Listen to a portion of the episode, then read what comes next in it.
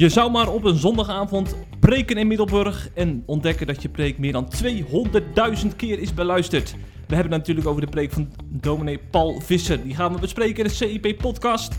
En ook gaan we het hebben over een aanval op niet-gevaccineerde christenen vanuit Rode Hoek.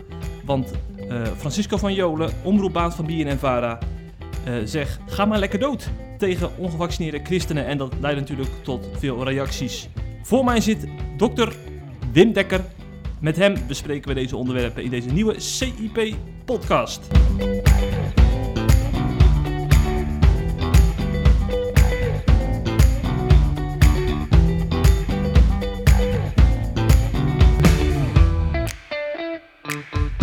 Wim, het is niet de eerste keer dat we hier zijn bij jou, namens uh, eh, CIP. Mooi dat je weer wil meedoen met de podcast. Ja, uh, welkom. Ja, voor de mensen die jou niet kennen, uh, je bent natuurlijk theoloog, emeritus predikant in de protestantse kerk in Nederland. Ja. Dus jij preekt ook regelmatig, net als Paul Visser, hè? Ja. Ja. ja. Zondag ook gepreekt? Ook nog voor een deel in dezelfde soort gemeente. Oh ja, precies, ja. Ja, ja, ja. ja. En um, uh, ja, je, je, bent ook wel eens vaker op CIP te vinden, hè? want we vragen wel eens uh, jouw mening over wat actuele onderwerpen hier en daar. Ja. En als je een boek hebt geschreven, dan komen we ook naar jouw kant op. Ik kan me nog een boek herinneren over Paulus op de Areop Areopagus, niet Klopt. zo lang geleden. Ja. Dus komen er nog nieuwe boeken aan? Weer een tijdje geleden. ja, je kunt lekker opgejaagd blijven worden, ook als je emeritus bent. Maar ik hoop volgend jaar nog wel weer iets te publiceren. ja. ja. Nou, dan gaan we dat afwachten. Maar we gaan eerst naar onze wekelijkse rubriek. En dat is natuurlijk de ergernis van de week.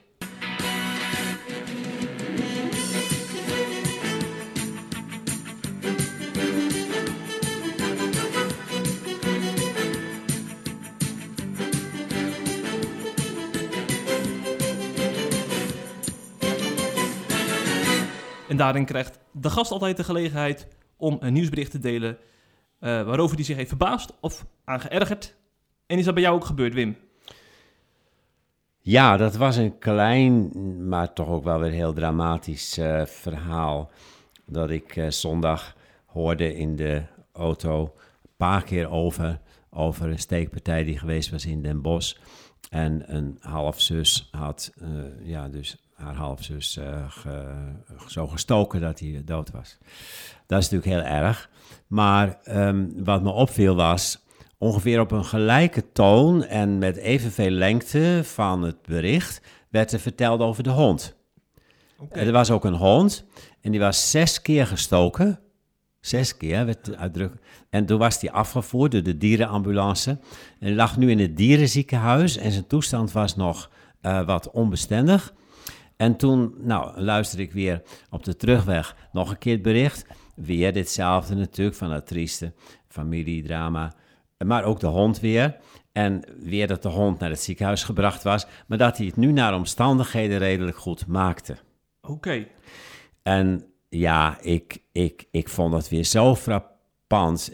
Soms heb je dat, dat je denkt, nou, een mens en een beest, allebei worden ze even slecht of goed behandeld. Maar in ieder geval, er is geen verschil. Het is even zielig als een hond doodgaat en wanneer een mens doodgaat.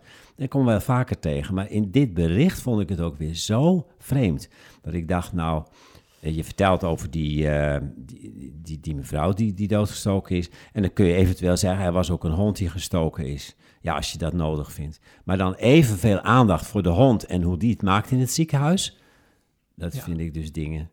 Ja. Uh, dat, daar maak ik niet mee. Nee. Ja, maar we leven ook in een land waarin de Partij voor de Dieren acht zetels in de peilingen heeft. Hè? Dus ja, dat is, ja, maar dat is wel goed. Maar daarom is een. Uh, nee, maar ook bij die partij, dat is allemaal. We zeggen ook wel een aantal goede dingen. Maar overal waar je dus idee hebt van ja.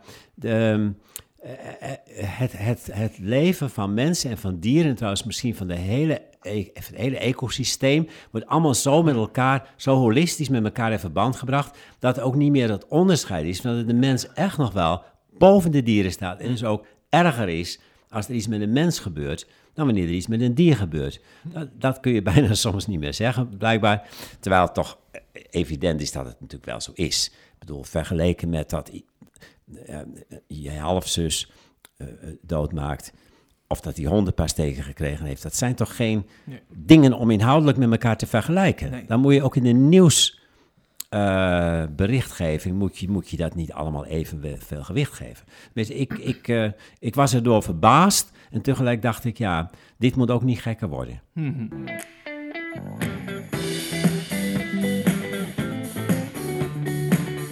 Het laatste nieuws uit christelijk Nederland bespreken we in de CIP-podcast.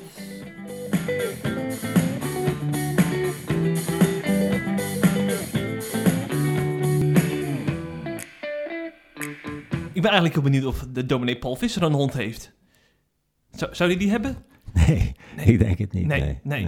Is, geen, is geen dierenvriend. Nou, dat, weet ik, dat, weet ik zo, dat weet ik ook weer niet zo goed. Maar uh, ik dacht niet dat hij nog. Nee, dan moeten we hem zelf eens een keer vragen. Ja. Uh, want wij interviewen hem ook regelmatig. En uh, Paul Visser is eigenlijk wel een bekende predikant geworden. Vooral sinds zijn tijd in Amsterdam. Ja. Is hij ook regelmatig in de landelijke media verschenen om uh, ja, ook, in het maatschappelijke debat zich te mengen. Ja. En nu is hij echt het middelpunt van de belangstelling. En daar ging natuurlijk de preek, de eindtijdpreek aan vooraf, over, over openbaring 13 en de Great Reset. Nou, de mensen die het niet weten, die hebben waarschijnlijk onder een steen geleefd, want we hebben het veel, veel voorbij zien komen hè, de afgelopen weken, die ja. Ongelooflijk veel. En ik heb het ook van allerlei kanten gedeeld uh, gekregen. Ja. Van mensen die anders nooit in een kerk komen. En van mensen die heel uh, trouwe kerkgangers zijn. En zeggen: Nu, dit moet je horen. Dus dan denk je ook al dat, dat dat, dat heeft wel heel wat meer geraakt dan welke andere preek ook. Ja, ja, ja. Ik vind dat dan altijd zo frappant. En dan uh, zijn er predikanten die prediken. Dan bijvoorbeeld, ik noem maar wat over Ezekiel. En daar hoor je niemand over. En dan is er één preek over de Great Reset en dan gaat half Nederland door. Dan denk ik van, uh, een beetje oneerlijk verdeeld af en toe, hè? Dat is ja, nou ja, deze, deze preek, uh, daar zullen we zo nog over hebben natuurlijk. Wat wordt er feitelijk gezegd? En daar is wel wat van te zeggen. Maar ik ben veel meer verbaasd, nog tot op de dag van vandaag, ik heb het, dat heb ik nog niet verwerkt, dat, dat het blijkbaar in, dat die preek met dat uh, Great Reset verhaal mhm. en alles eromheen blijkbaar zo'n voedingsbodem gevonden heeft. Dat, dat er dus potentieel zoveel mensen binnen en buiten de, nou ja, buiten de kerk, daar wist ik dan ook wel wat van natuurlijk, van uh, Thierry Boudet en de antivaxers en zo. Maar binnen de kerk ook. Ja. Heel veel mensen dus een niet-pluisgevoel hebben bij de tijd, maar vooral ook bij de overheid, bij alles wat er gebeurt waar ze geen grip op hebben. Ik wist wel dat dat zo was, hm. maar dit moet heel erg zijn. Anders kun je niet verklaren dat die preek met deze dingen ja. zo ongelooflijk veel gedeeld is. Mhm. daar, daar, daar is dus een onderliggend gevoel. Ja. Uh, en misschien ook wel van, ja, in de kerk horen we allemaal van die brave preekjes.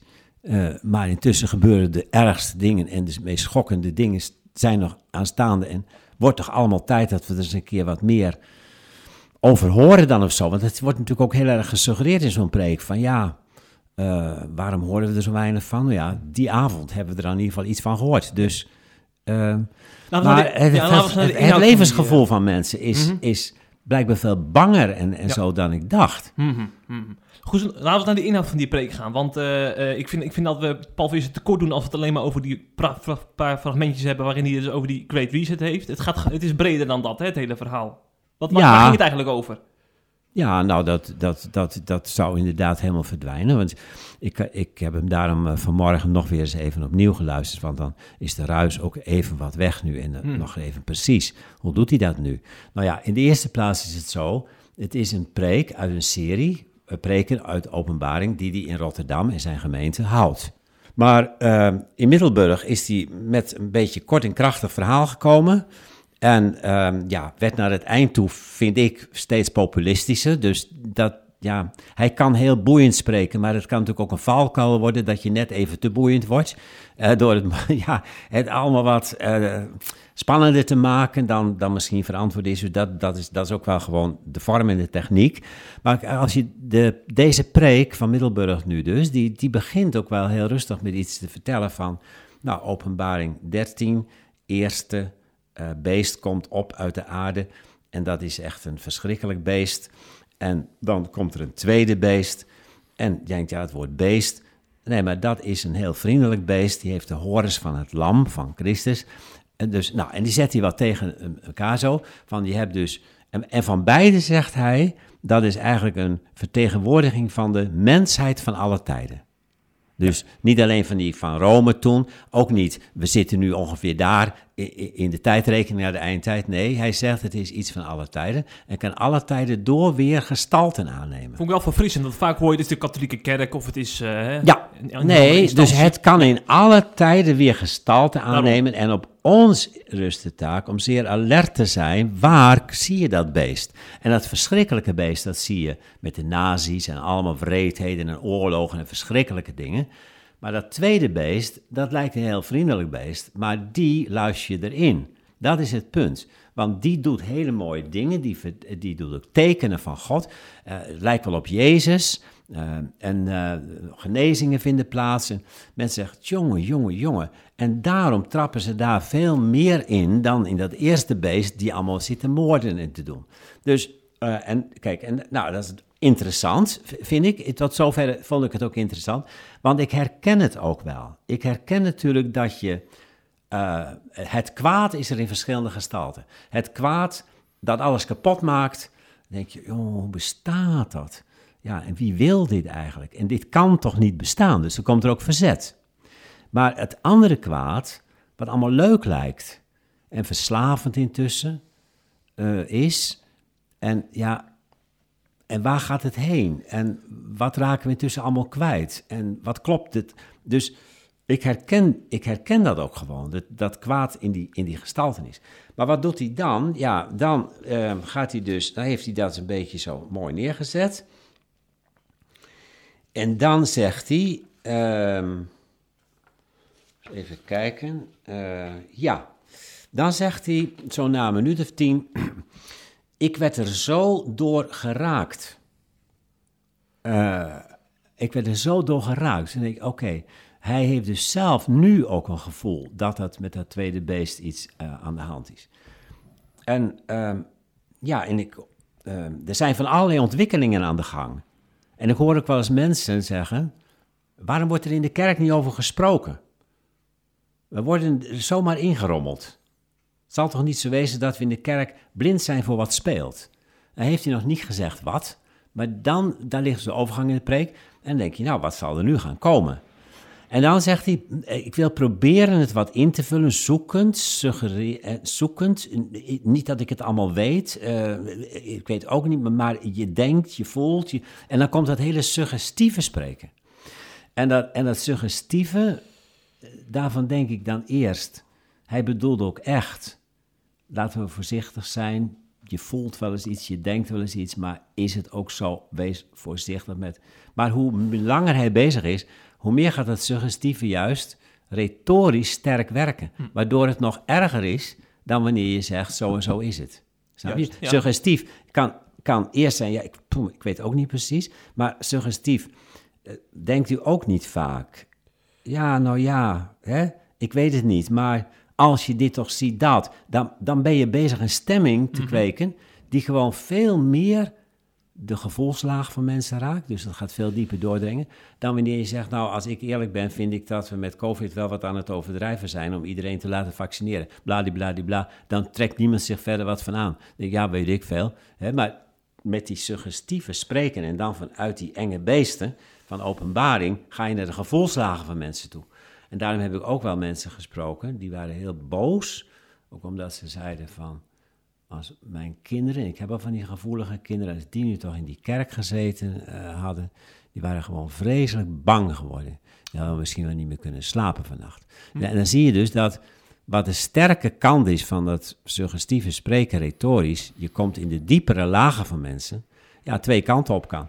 En, en dus, maar ook daarmee iets, veel meer iets krijgt van onontkoombaars. Iets onontkoombaars. Dus hij begint met, ja, ik weet ook niet precies, zoeken. Je denkt wel eens.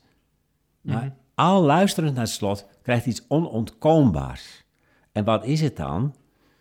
Ja, de Great Reset. Ja. En de Great Reset, zegt hij ook nog, Wereldgezondheidsorganisatie van de Verenigde Naties. Ja. Ja, maar dat vind ik geen. Dat vind ik, dat, kijk, dat vind ik ernstig. Want ja, als je over zulke grote dingen waar mensen weinig van weten en wat ze van weten, is vaak verpakt in complottheorieën. Great. Reset, het is een soort mythisch woord geworden. En je gaat er niet exact precies van zeggen wat het is, Maar je ver- vergis je daar met wereldgezond, dat vind ik ernstig, dat vind ik bijzonder jammer. had World- Economic Want Forum World. Economic Forum Ja. is gewoon een club van mensen, er zijn meestal academici die denken heel goed na en die zitten de plannen te maken Mhm. van hoe zou het kunnen. Maar die hebben geen enkele macht. Nee. Kijk, dus, kijk, Wereldgezondheidsorganisatie, Verenigde Naties, dan denk je met, oh, Verenigde Naties, en dan denk je al van, oh, maar die gaan straks de hele wereld eh, veroveren. Wat ook niet, niet zo is natuurlijk. Maar de WEF, World Economic Forum, heeft geen enkele macht. En als je nu toch reëel om je heen kijkt en weet dat zelfs binnen de EU het niet lukt om de neus aan één kant op te krijgen. Er is nog nooit zoveel verdeeldheid geweest in de EU als nu. Landen die gaan hun eigen gang weer. Wat denk je nu echt? Dat wij straks een wereld hebben waar alle landen even luisteren naar ene meneer Schwab, of Ja. Klaus Schwab, of hoe die mogen heten. Want Baudet en, en consorten, die denken dus dat hij alle wereldrijders aan een touwtje heeft, die Schwab, hè? Dat is Ja. zulke kul. Ja. Eh, dus dat, dat, dat- kijk, dat, dat is dus, dat, dat vind ik dan dus jammer. Ehm, en, dan, en dan komt daarbij, eh, de COVID wordt natuurlijk een paar keer over iets genoemd. Hè? Dus dat de suggestie dat eh, het feit dat zijn overheid lukt om nu ons allemaal maar zachtjes aan toch die kant van die vaccinatie op te krijgen. En dat we dan met de QR-code allemaal zo in, ingedeeld zijn. En, en dat het een soort proef, proefverhaal zou zijn van, oh, ze laten zich wel aardig meenemen en dan kunnen we straks iedereen digitaal aansluiten en dan komen er hele wilde verhalen over dat we allemaal op één groot digitaal systeem zijn ingeplucht en dat dan ook nog hersencapaciteiten uitgewisseld kunnen worden. Nou, dat wordt een beetje bizar, vind ik. Ja. En, en dat je dan uitgeplucht en dan kun je er misschien in je tuintje nog wat verbouwen, maar verder heb je niks meer. Nee, en dus naarmate het slot van de preek wordt het retorisch sterker. Eh, het wordt ook populistisch.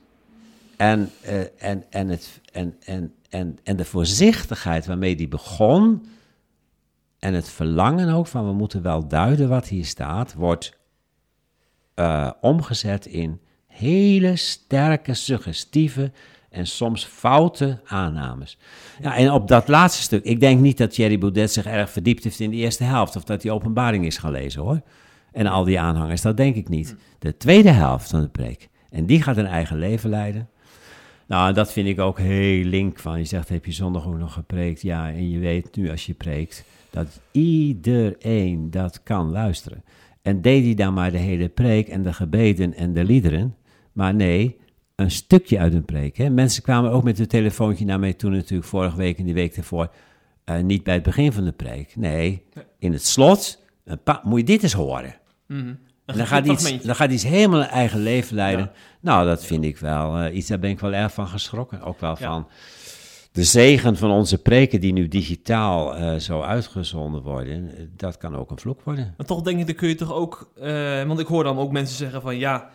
Als zelfs Baudet en, en, en Cruz, iemand met 7 miljoen volgers, fragmentjes delen, dan denk ik van, dan kun je Visser niet kwalijk nemen. Want hij heeft natuurlijk juist die context ook geschetst van, eh, van openbaring 13. Dus eh, ik denk dan, dan moeten we Visser ook wel recht doen over die hele preek te praten zoals we nu doen. Ja, wij doen dat, maar wie, maar wie doet dat verder? ja, ja. Nee, ik bedoel, natuurlijk, dus Visser, kijk, dat vind ik ook. Eh, dit is Paul Visser volkomen overvallen. Daar ben ik diep van overtuigd. Ja. Hij heeft dat nooit bedoeld, heeft nooit gedacht, we hebben nu digitaal zoveel bereik, ik zal eens wat gaan vertellen. Nee, er, zit een, een echte ongekunstelde naïviteit in die preek. En zo ken ik hem ook, dicht bij zijn hart. Eh, Dus dat zinnetje van, ja, ik... eh, eh, gaandeweg hiermee bezig zijnde, ging het me steeds meer raken. Dat kon ik me voorstellen, want je, je, je verdiept je in dat ene beest, dat andere beest. Je herkent dingen, je voelt dat en dan gaat je raken. En je, en je leest wat en dan, gaat, dan gebeurt er iets in je. Maar eh, het is te naïef om dan van alles wat je denkt dat dat misschien zou kunnen betekenen, dat gelijk maar zo de eter in te gooien en dan ook nog het wel, denk ik, misschien dat dat retorisch gebeurt dan, maar dat het vanzelf dan al pratende steeds meer beklemming. Kijk, als iemand gewoon, heel veel dominees die schrijven een preek op thuis en lezen ze hem gewoon voor. Dat vind ik vind ik vaak niet, niet zo goed. Hmm. Dat vind ik vaak door. Dan haak ik af hoor. Ja. Nou, jij haakt zelfs af. Nou ja, kijk, maar deze manier van preken, dat gaat uit het hoofd. En er zijn wel een paar puntjes opgeschreven in de lijn. Maar dat gaat uit het hoofd. En dan moet je dan ook vaak, het, het, moet je het hebben van het contact met je publiek. En wat op dat moment nog weer extra zich aan je opdringt. Maar daar zit natuurlijk bij zo'n onderwerp dan een groot gevaar in. Ja. Ik, als ik het hierover had, zou ik echt alles precies opschrijven. Hm. En denk, oh, als ik dit zinnetje zeg, dan kan toch niet hopelijk een antivaxer denk, eh, daarmee aan de haal gaan. Dat zou, omdat vind ik het onderwerp, want of hij zich dat nu niet gerealiseerd heeft, dat weet ik niet, maar dit is uitgesproken in een ongelooflijk gepolariseerd klimaat. ja. Ik, ik wist wel dat het klimaat gepolariseerd was, maar nu ben ik er nog weer veel meer van geschrokken. Hoe is dit mogelijk? Dat het klimaat zo gepolariseerd is. Maar als je dan dingen gaat zeggen, ja, moet je toch twee, drie keer nadenken. Mm, mm, ja, maar ook goed om, te- aan onze luisteraars door te geven. Er is dus een hele goed en lange serie, langere serie over openbaring terug te luisteren. Ja, Luister dan die hele serie, niet alleen de preek. Want dan denk ik dat je wel bij goede punten uitkomt dan ook, die leerzaam zijn. hij had het eh, afgelopen, of die zondag erop, weer over openbaring 14. Nou, daarom. Ja. Nou, Ja. dat is toch mooi dat, dat iemand een serie over zo'n moeilijk bijbelboek houdt. Ja, en, ik, eh, en er is natuurlijk heel veel eh, geschreven aan de afgelopen paar weken weer over hoe je openbaring uit moet leggen. Ik alle meningen zijn weer langsgekomen. Maar die mening van, nou ja, je moet eigenlijk gewoon in die tijd laten staan, want wat, eh, hè, 666 is een eh, codenaam voor Nero en Babylon is een codenaam voor Rome en het is eigenlijk een boek van toen. Ja, dat, doet niet, dat, dat vind ik te goedkoop. Want ehm, het is ons gegeven om eh, je intuïtie te scherpen voor elke tijd weer waar je dit soort tendensen zich ziet aftekenen. En dat je, dat je met elkaar zegt van wat is hier nu aan de hand? En kom je dat hier ook al niet tegen? Dat vind ik, vind ik een hele goede manier. Maar, maar ja, invullen, invullen en dan soms in de buurt komen van mensen bij wie je verder helemaal niet hoort en zo. Nou, dat, is- dat is linkersoep. Dus je, je moet eh, veel meer op zoek in een bijbelkring. Met, me- in een gesprek had het prima gekund natuurlijk. In een gesprek zo. Ja. Over hebben. Zeg, laten we even een, een stapje maken, want eh, die preek is dan geweest. En vervolgens eh krijg ook, men ook bij, het re- re- bij de redactie van het Nederlands Dagblad natuurlijk door van... nou, er wordt- gaat een preek gaat viral, daar moeten we wat mee. Dus Nederlands Dagblad-verslaggever Daniel Gillissen die belt Paul Visser op... met enorm kritische vragen. We hebben dat interview natuurlijk eh, doorgenomen. Ja. Eh, wat viel je eigenlijk op aan die, aan die vraagstelling en aan het interview van het Nederlands Dagblad? Dat heb ik ook twee keer gelezen. En de eerste keer eh, was ik boos.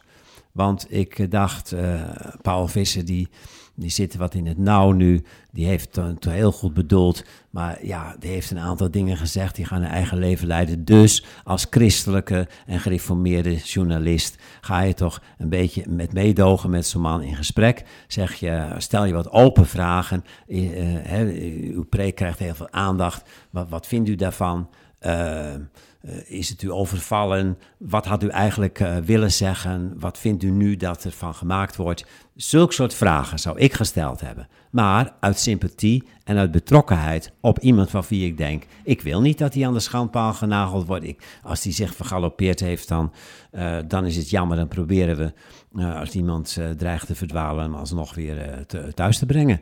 Dus zo had ik het interview gedaan. Maar eh, ja, het Nederlands Dagblad verdedigt zich met... ja, maar eh, hè, wij zijn niet voor eh eh, halfgewonde dominees beter te maken. We zijn er voor eerlijke journalistiek. Er zijn allerlei woorden gezegd, die gaan eigen leven leiden. Maar juist daarom is het bijzonder belangrijk dat we even puntjes op de i zetten. Want over dat hele Great Reset... reset, dat, dat, klopt helemaal niet. En nog, wat- nog wat dingetjes. en, en die suggesties om corona, die zijn gewoon fout. En dat moet dus gezegd worden. Een Nou, dat laatste, ja, dat is wel waar, maar ik vind het een, vind niet een betrokken journalistiek dat je broeders bent van hetzelfde huis. En dan hoef je elkaar niet boven de bol te aaien, maar je kunt wel met open vragen een heel ander verhaal krijgen dan deze sturende, sterk sturende vragen. Ja, je vond ze sturen. Ja, ik vond ze sturend, ja. Niet kritisch. Want kritisch is juist goed voor een interview. Als je zegt van, eh, Nou, je voelt, kijk, je voelt op een gegeven moment dat hij eh, helemaal zo ver niet wil gaan als dat nu gesuggereerd wordt. Hij zegt ook een keer dat hij zich wat vergist eh, heeft daarin. En dan hoef je niet nog weer door te duwen. Zo steeds verder. Ik, ik- het beeld wat bij me opkwam in het interview was toch van... Nou, iemand zit wat in het nauw. Hij ziet ook best dat hij een paar foutjes gemaakt heeft.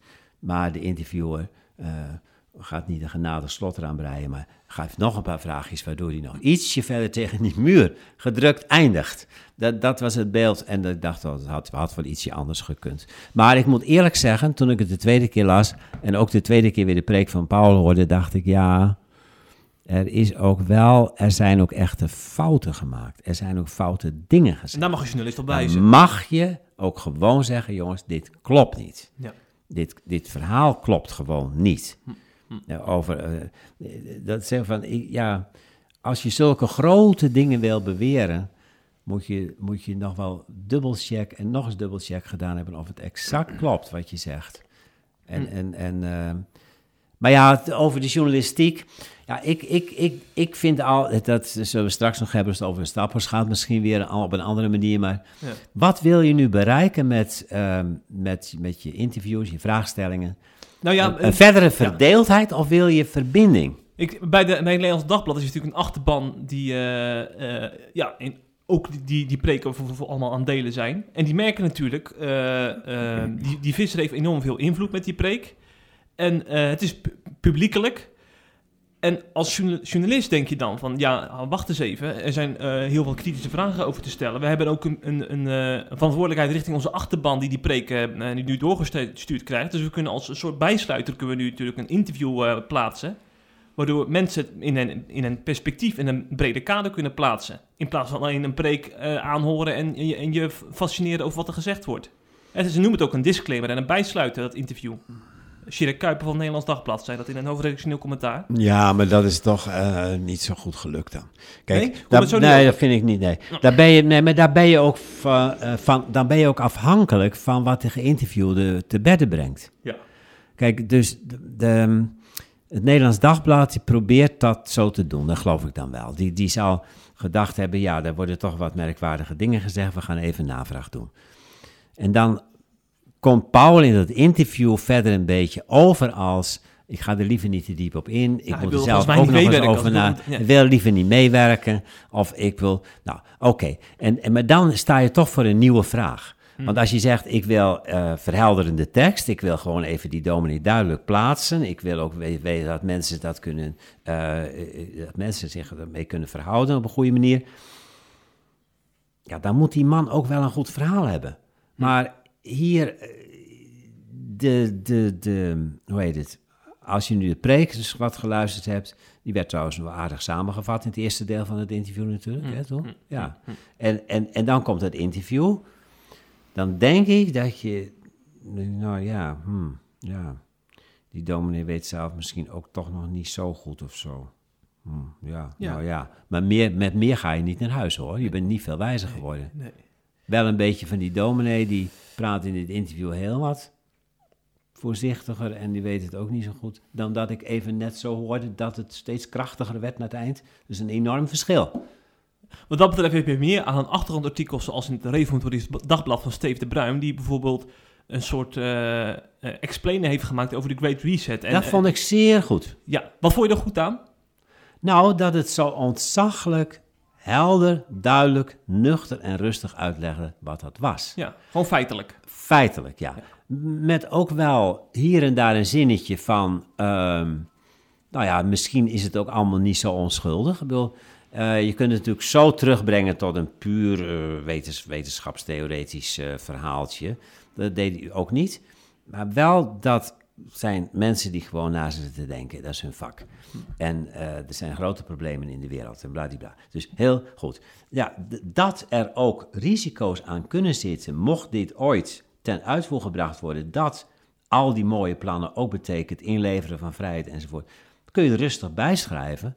Maar er wordt geen stemming gemaakt, want die mannetjes hebben nog lang geen macht. Die hebben helemaal geen macht. En dat vond ik dus ook echt de kortsluiting met die preek. Of met, openbaring 13. In openbaring 13 is het een beest dat opkomt en die, wordt, die krijgt macht. En die krijgt steeds meer macht. Maar ik bedoel, dat is toch totaal niet nu het geval. Ja, of als je zou zeggen, wij hebben zelf als mensheid hebben we die hele digitalisering gewild of niet, of hoe is ons dat overkomen? En nu zitten we allemaal zo meteen in systemen, algoritmes. Willen we dat? Ja, dat vind ik ook enge dingen op zich. Dat is een boeiende vraag om te stellen. Dat zijn boeiende vragen om te stellen. Maar had die COVID er dan in ieder geval buiten gehouden? Ja. Want dat is nu natuurlijk een hele eh, vervelende bijkomstigheid. En waardoor Hugo de Jonge zegt, ja, sorry, ik doe gewoon mijn best. Ik ben toch geen beest uit de openbaring. En het is ook gewoon zo. Hm. Dat, moet je, dat moet je nu een beetje nuchter bekijken. En dat de mensen bezig zijn om te kijken hoe meegaand zijn we allemaal. Dan kunnen we straks nog meer dingetjes proberen. Dan ben ik ook heel nuchter, zeg ik. Dan, dan zien we dan straks weer. Hè? Hm. Eén ding tegelijk. Ja. Nou, laten we tegen de luisteraar zeggen. Lees niet alleen de interview in het Nederlands Dagblad en het achtergrondartikel in het Reformatorisch Dagblad, maar beluister dus ook de hele prekenserie van Paul Visser over op- openbaring. En dan heb je denk, ben je denk ik echt goed geïnformeerd hè, over wat er gaande is, over wat openbaring te zeggen heeft. Nou ja, zoals hij dat ziet. Want eh, dat is echt meer dan, dat stuk, dan die stukjes die nu eh, zo viraal gegaan zijn. Ja. Ik zou zeggen, veel luisterplezier bij de prekenserie van dominee Visser.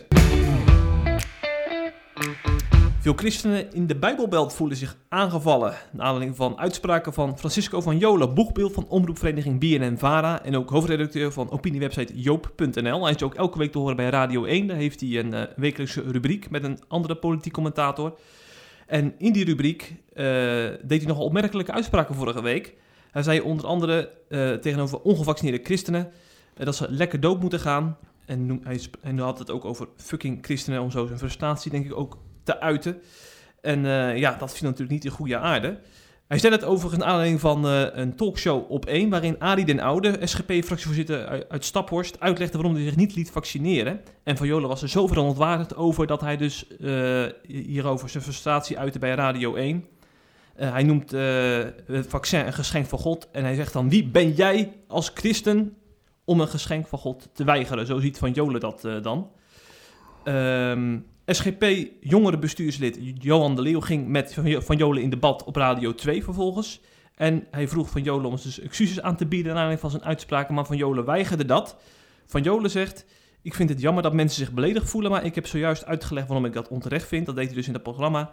Ik heb niets verkeerd gedaan, maar mijn uitspraken zijn verkeerd begrepen. Ik kan me niet excuseren voor iemands beperkte bevattingsvermogen. Aldus van Jolen. Nou, dat eh, is weer lekker, eh, Wim.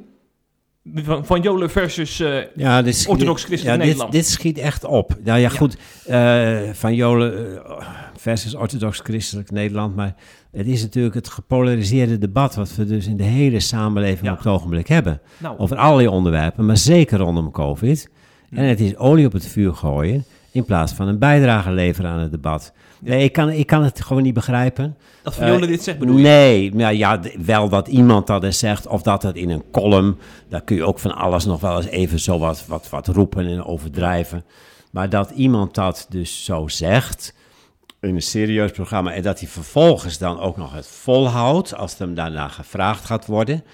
Eh, dat je niet begrijpt dat je, van wat voor omroep je ook bent, dat je vandaag, vandaag een taak hebt om, eh, om te verbinden in het gepolariseerde debat in plaats van het Ja. erger te maken. En dan een selectieve verontwaardiging naar, naar die arme staphorsten christenen. Eh, ja, dat vind ik. Ik bedoel, Evimenko heeft in Trouw ook al geschreven hierover van... Dat had hij toch nooit naar een moslimgroepering zo gezegd? Fucking moslims, dan moet je, dan moet je zwagen. Dat is makkelijk scoren, zegt. Dus Dan moet je dan heel makkelijk scoren op mensen die natuurlijk zich ook al heel lang daar ongemakkelijk in voelen en die best ook wel wat bewegen. En, maar bij, wie ook heel veel wantrouwen zit naar de overheid. Plus eh, ja, zelfgekoesterde vroomheid in een isolement. Daar is natuurlijk wel wat van te zeggen. Kom misschien straks er nog op. Maar dit, dit vind ik dus. eh, wat wil je nu als journalist? Van welke omroep je ook bent? Wil je nu een gepolariseerd debat? Want ook dat, er er is natuurlijk al vaak gezegd, ook van verschillende kanten, over het taalgebruik in de Tweede Kamer bijvoorbeeld, van Wilders en Baudet en eh, andere luidjes, Haga. Eh, dat zou niet moeten mogen eigenlijk. Dat gebeurde vroeger ook niet. We waren het vierkant oneens en eh, er werd wel eens wat gezegd, maar geen scheldwoorden, geen fucking christenen en zulke soort woorden. Die ga je niet gebruiken. Nee, komt niet eens in je Eh, op. Daar komt niet in je Nee, op. nee.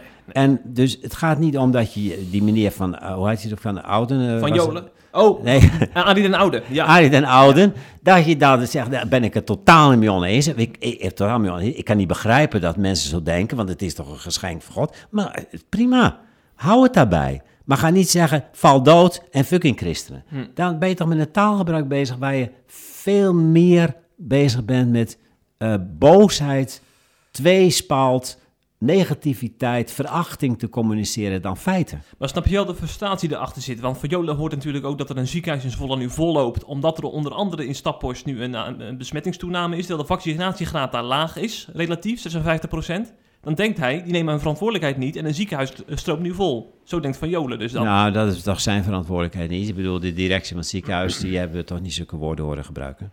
Nee, bedoel, zeker niet. Nee, dus ik bedoel, daar vind ik niet, heeft Van Jolen niks mee te maken. Dat meen ik echt. Hij is politiek commentator. Hij denkt, dit is een politiek onderwerp. Ja, dat, ja. natuurlijk, dus dat mag. Maar hij hoeft geen verantwoordelijkheid te gaan nemen voor een ziekenhuis in Zwolle. Dat doet de directeur daar. En die gebruikt hele nette christelijke woorden. Mhm. En dat doet de burgemeester van Staphorst. En dat doen de, de, de artsen van Staphorst. Dat doen alle mensen.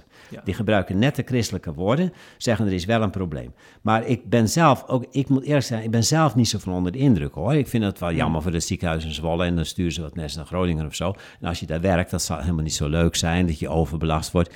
Maar er zijn veel meer groeperingen die zich niet uh, laten vaccineren. Ja, zeker. En in de grote steden, uh, uh, probeer die mensen maar eens te bereiken die we er helemaal niet bereiken. En die vol met wantrouwen naar de overheid, ongeletterd en weet ik wat daar rondlopen. En, en, en, en die zich niet laten vaccineren. 1,8 miljoen laten ze niet vaccineren. En ik denk dat een paar honderdduizend daarvan zijn christen.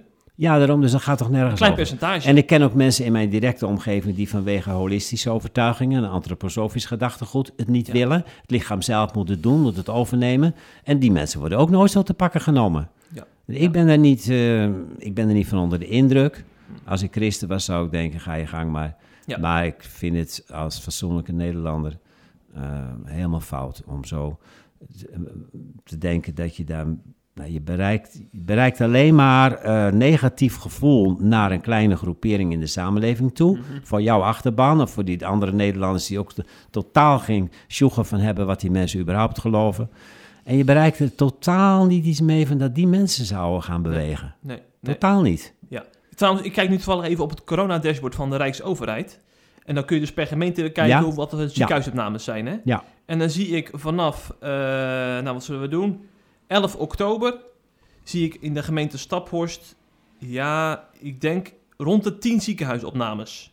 Ja. Dan denk ik van, als je dan, dan als je bedenkt hoeveel ziekenhuisopnames er in totaal zijn.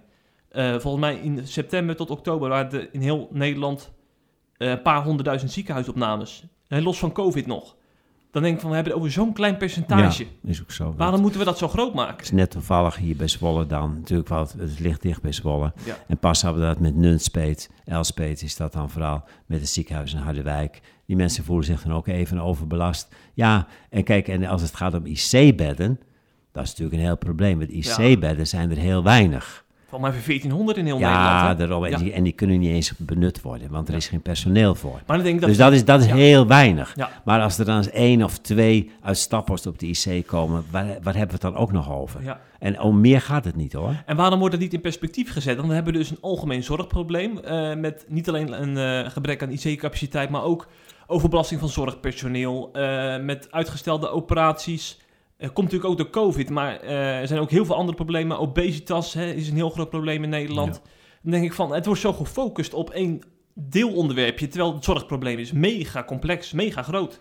Ja. We zoomen niet echt uit, heb ik het idee, hè? Nee, dat is ook zo. En eh, kijk, nu staat natuurlijk COVID bovenaan en uh, de verantwoordelijkheid die we er allemaal in nemen, of willen nemen of niet nemen, dat het is wel een punt natuurlijk. Kijk, ja ik laat me ook niet voor mijn lol vaccineren. Ik heb ook het idee van, nou, hoe minder van die prikken in mijn lijf, hoe beter. En uh, is, het zo, is dat zo nodig? Ik wil, en zo zijn er ontzaglijk veel mensen, maar je doet dat uh, uit solidariteit. Ja.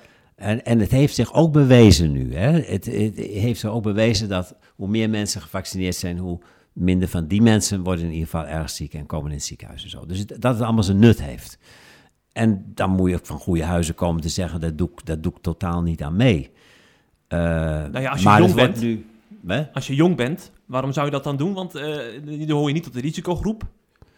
Nee, maar dan moet je dus uit solidariteit doen met de samenleving. Ja. Ja, dan vind je solidair als je je laat eh, vaccineren. Want, eh, dus, Nou, jawel. Ja, omdat natuurlijk... Kijk, eh, ja, Visser zei dat nog in zijn preek van... ik begrijp er niks van dat het, je, dat het voor je naaste zou moeten zijn. Nou, dat Ja. vind ik wel. Eh, want eh, kijk, zolang jij niet ziek wordt, is er niks aan de hand. Nee. Als je een beetje ziek wordt, ook niet. Maar als je ziek wordt, zodat je naar het ziekenhuis moet... en sowieso dat je echt een beroep gaat doen op de medische eh, verzorging... Eh, er zijn ook mensen die thuis beademd worden en weet ik wat allemaal. Zodra jij ziek wordt en een beroep moet gaan doen op de medische verzorging, terwijl die al overbelast is, en dat komt omdat jij je niet hebt laten vaccineren, dan, dan, dan, dan is dat niet zo goed. maar 98% krijgt helemaal niks van, van COVID. Die- die- Alleen, alleen een- dat is voor heel veel mensen is het gewoon een griepje. Hè? Ja, alleen voor onderliggend lijden en voor Ja. ouderen is het echt heel gevaarlijk.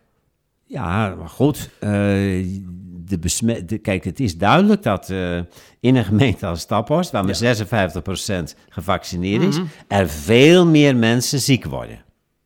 En van die mensen die ziek worden, komen er een paar ook in het ziekenhuis. Zeker, zeker. Dus de gedachte van eh, meer vaccineren, dan worden er minder mensen ziek en dan komen er ook minder mensen in het ziekenhuis, die klopt. Hm.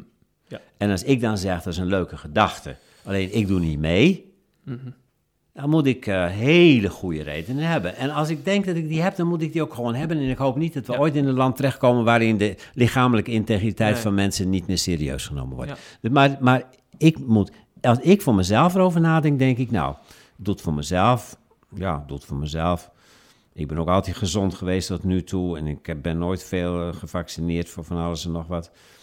Maar eh, ik doe het omdat we nu met elkaar moeten proberen dat dit beheersbaar wordt. Ja, ja. En nog even één dingetje hierover, want ik hoor nou ook heel veel mensen zeggen van... we hebben het helemaal niet over natuurlijke immuniteit, hè. Van mensen die bijvoorbeeld eh, liever ziek willen worden... omdat ze de natuurlijke immuniteit en meer antistoffen Ja. betere bescherming geeft dan een vaccin. Dan denk ik, dat is natuurlijk wel een, een eerlijke afweging die je dan maakt als niet gevaccineerd. Ja, die, die zijn er, die ken ik ook. Die zeggen, eh, ik vind dat het lichaam zijn eigen immuniteit heeft en moet opbouwen.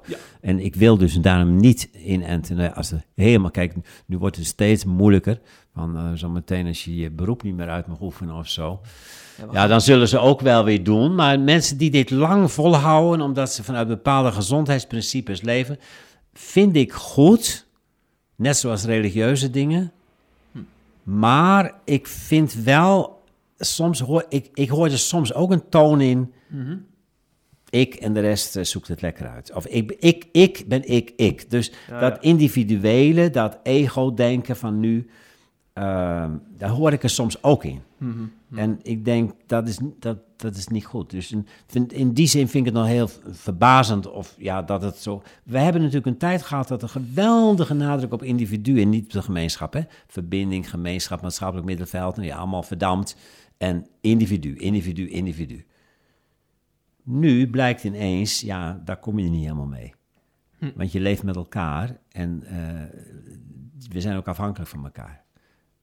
Dus, nou, dat accent, dat, dat mag wel vallen, vind ik nu. Hm. En dat vind ik ook wel christelijk. Ik, ik bedoel, we zijn er, eh, we zijn er met elkaar en, en, en ten dienste van elkaar. En de een achter de ander uitnemender dan zichzelf.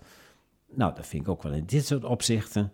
Ehm, ja, tenzij je hele hogere principes, eh, ja, dat die echt naar boven gaan, dan leg mij maar uit. Ja. En als iemand dan denkt dat hij van God dit zo, dat zijn godsvertrouwen. Kijk, Ja, dat ik vond die meneer Den oude- Ouden, Dat ja, zijn argument, hè? Godsvoorzienigheid. ja, maar dat vind ik ook heel goed.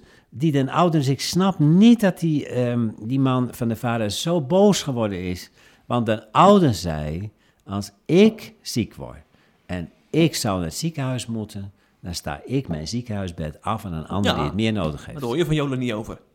Ja, maar, dat, maar dat, kijk, en dat zou ik die Den Oude nog niet direct nagezegd hebben. Dus Nou. deze man is voor mij nog een spiegel. Ja, ja, ja. Want kijk, ik laat mij ook wel vaccineren, omdat ik liever helemaal nooit in een ziekenhuis Mm. kom en zeker niet op de IC. Ja. Ehm, maar als ik. Nee, dit- dat is dus een heel groot geloof. Eh, dat is niet egoïstisch, van ja, maar dan pak ik straks dat bed wel. Nee, ik, ik geloof in God en als die vindt dat ik ziek moet worden en dat mijn tijd nu gekomen is, dan is mijn tijd gekomen en dan ga ik ook niet meer naar het ziekenhuis. Hm. Hm. Nou, dat vind ik eh, geweldig. Dus ik, eh, ik bedoel, het moeilijke van dat gesprek met die Ouden, dat vind ik dan wel weer, dat hij natuurlijk ook spreekt dan namens een gemeenschap waar lang alle mensen hem dat niet na zullen zeggen. Hè? Dus zijn gesprek, dat vond ik wel lastig. Hij komt er als wethouder van Stappers en SGP en dit en dat. Vertegenwoordigt dus wat. En het wordt uiteindelijk ook, hoe is dat met jou heel persoonlijk? En dan geeft hij een heel mooi persoonlijk antwoord. Maar ja, dat zeggen we niet over alle andere SGP'ers hmm. in de Staphorst natuurlijk. Dus, dus, er ligt wel een maatschappelijk probleem. Hmm. In dat Staphorst is dus een huisarts, die is eh, geïnterviewd door de, door de Volkskrant. En die zegt dus dat hij stiekem het vaccin geeft aan patiënten die bij hem uh, langs gaan. Omdat er zo'n groot taboe in Staphorst ligt op dat vaccineren. Hè. En dan, zegt, en dan probeert er dus patiënten die zich niet, liever niet laten inenten over te halen met de verwijzing naar een verhaal uit de Bijbel over Jezus die door de duivel wordt uitgedaagd van een tempel te springen. Jezus werpt dan tegen dat je God niet op de proef mag stellen. Is dat een terechte sprong die hier wordt gemaakt? Ja, is wel grappig. Ja, um, nou ja, overigens is dat, dat, dat is ook verdraaid hè, door de Volkskrant. Hè? Anoniem heeft hij gezegd. Hè? Wat bedoel je anoniem? Nou ja, precies. Kijk, in de Stentor, daar staat het eh, ook, en daar staat anoniem. En hij is zelf ook weer geïnterviewd en legt nu uit. Dus die Iraanse arts, hè, dat is ook een heel Iraanse arts. Reza Pizeski. Ja, een hele moeilijke naam. Maar die, uh, die is natuurlijk in de, in de tijd, heeft een prachtig artikel in de NRC gestaan. Een oh, dub, ja. dubbel interview met dominee Romkes, oud-gereformeerd predikant in Rauveen. En hij, Iraanse moslim, zijn goede vrienden. Ja. Zeggen alles tegen elkaar. Uh, zijn open tot en met. Mm. Hij, heeft het hij doet het geweldig goed bij de Staphorste bevolking. Maar nu heeft hij spijders haar op zijn hoofd dat er dus in de pers gekomen is... dat hij zegt dat mensen zich stiekem laten van vaccineren. Hij bedoelde anoniem, dat betekent... Uh, hij vaccineert ze dan, maar het wordt niet geregistreerd. Dus ze kunnen er ook nooit een coronapas of zo voor krijgen. Maar ze doen het dan puur uit uh, naaste liefde... van ik wil niet meer als een ander door mij besmet kan worden. En als u, dan, dan moet dat maar gebeuren. Uh, maar ik wil, niet, ik wil niet in dat eh, hele verhaal van de, van de, van de coronapas en de overheid. En, de, en hij zegt heel sterk in het interview, daar zitten religieuze bezwaren, maar die zijn vermengd, psychologisch helemaal vermengd met wantrouwen naar de overheid en een gestigmatiseerde bevolking. Urk geldt net zo. We zijn altijd al voor de gekkies, uh, van Nederland uitgemaakt. En er ontwikkelt zich een soort minderwaardigheidsgevoel, ook een soort boosheid. En dan alles van die hogere heren en journalisten en ook de overheid.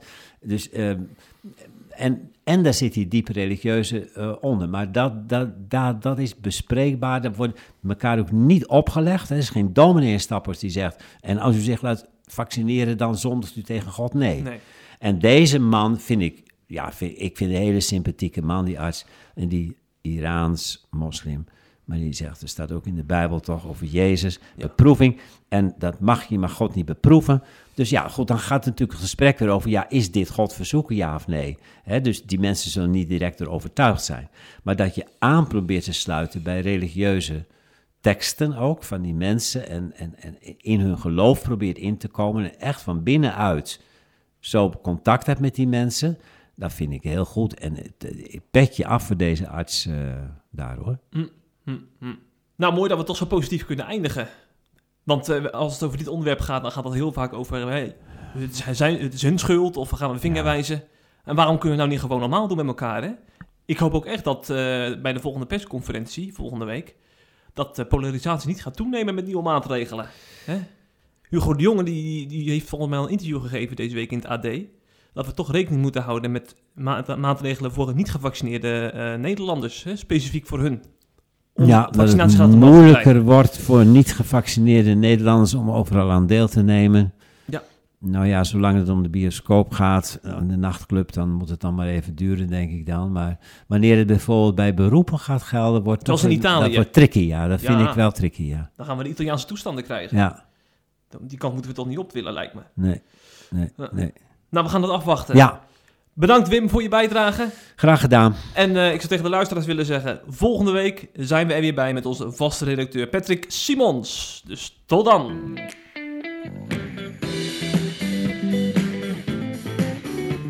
Je luistert naar de CIP-podcast. Volgende week weer een nieuwe aflevering. Wil je onze artikelen lezen? Ga naar cip.nl en word CIP Plus lid.